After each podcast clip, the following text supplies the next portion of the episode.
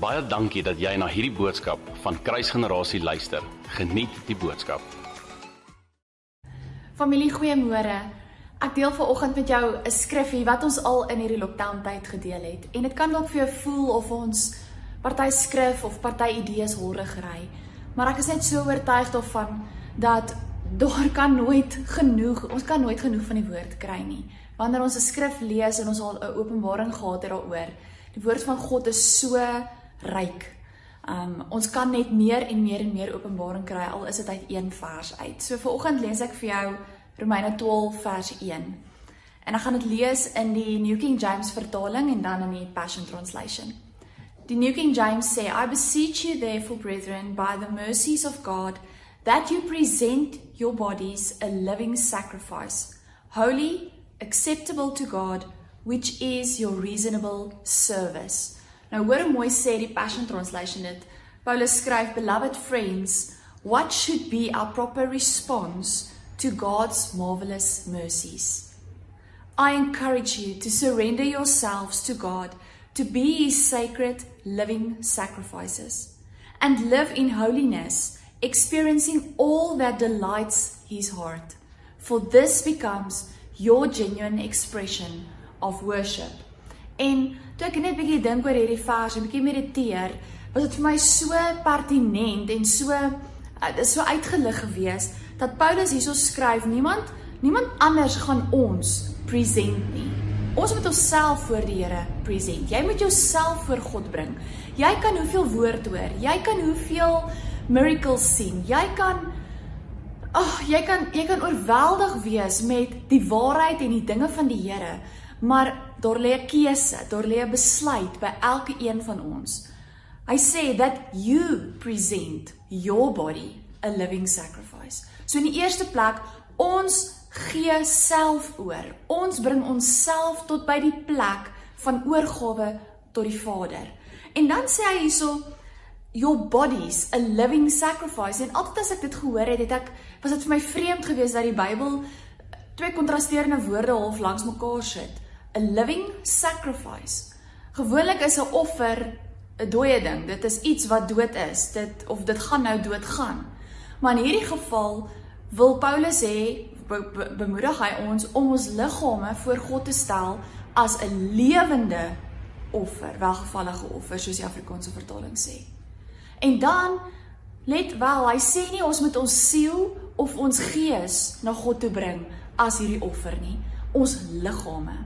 En in dit besef ek net dat ons liggame vir God van kardinale belang is. Dit is vir hom belangrik dat ons liggame ook deel vorm van sy plan wat hy vir ons het en en ek dink van die heiligmaking van die proses waardeur hy ons vat en hoe hy ons vat op hierdie journey om heilig te word. Nou, toe ek hierdie lees, toe wens ek so ek het 'n praktiese voorbeeld van hoe doen mens dit? Hoe stel ek my liggaam as 'n heilige, welgevallige offer tot God? En ek kom by die volgende storie af in die Bybel wat eintlik vir my dit dit mooi kom verduidelik het. Onthou jy vir Daniël en sy drie vriende, Sadrag, Mesach en Abednego? Nou, in daai tyd moes hulle buig voor die koning en en die koning aanbid. En hierdie manne besluit net Nee, ons dien en ons bid en ons worship die lewende God. So elke keer wanneer die hele stad of die hele volk nou moet buig en die koning aanbid, het hierdie manne dit nie gedoen nie. Inteendeel, hulle het God aanbid. Hulle het tot God gebid, die lewende God wat ek en jy ken en, en dien vandag. En so word hulle gevange geneem en Sadrag, Mesach en Abednego word in die vuuroond gegooi. Nou familie, hulle was nie eers doodgemaak of eers um jy weet getorture voor die tyd sodat hulle half dood was toe is hulle in die vuuroond gegooi nie. Nee hulle was lewend. Hulle het hulle liggame letterlik as lewende offers present en gegee en surrender. En hulle is lewend in hierdie vuuroond gegooi. Hoekom?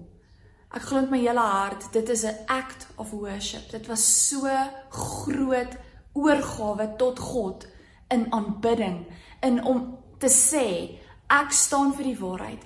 Ek dien die lewende God en niemand gaan my anders vertel nie, niemand gaan my oortuig van iets anders nie. Hulle was so bereid om te sterf vir dit waarin hulle geglo het, vir wie hulle ingeglo het. En hulle word letterlike lewende offers en ons almal weet dat ehm um, hulle nie alleen in daai vuuroond was nie. Daar was 'n engel saam met hulle en is hulle veilig gehou en selfs toe hulle uit die vuuroond uitgebring is, sê die Bybel dat hulle nie eers soos rook geruik het nie. Dit is 'n amazing wonderwerk wat daar gebeur het. So ek wil jou bemoedig vandag. Tot watter oorgawe, tot watter mate gee jy jouself, jou liggaam, jou fisiese liggaam in aanbidding, in bereidwilligheid vir die Vader? Niemand kan jou maak oorgee aan die Here nie. En hiermee praat ek nie van oorgawe rondom um, bekering nie. Ek praat van oorgawe rondom alles wie ek is, alles wat ek het, gee ek in sy hande oor. Ek los dit by hom want ek weet dit is by in die veiligste plek en ek doen dit uit aanbidding uit. Ek doen dit uit die liefde van my hart tot die Vader omdat hy dit waardig is. Familie, kom ek bid vir jou. Vader, dankie dat ons onsself net tot U kan stel as lewende, heilige, welgevallige offers. Here mag ons altyd besef dat of ons nou in 'n vuuroond is of ons in 'n storm is, maak nie saak waar ons is nie. Wanneer ons oorgee tot U in bereidwilligheid, Here, omdat ons weet wie U is en omdat ons weet wie U sê U is, is waar en U tree so op dat ons nie alleen is nie, maar dat U saam met ons is en dat U ons veilig hou, dat U ons beskerm. En dankie dat ons ook soos Sadrag, Mesach en Abednego kan uittreë uit die gevaar uit op die einde van die dag en kan weet Here ons ryk nie eers soos rook nie. Niemand kan eers sê dat ons in gevaar was nie omdat U by ons was. Help ons vandag Here om in gehoorsaamheid op te tree in wat ook al U van ons verwag in Jesus naam. Amen.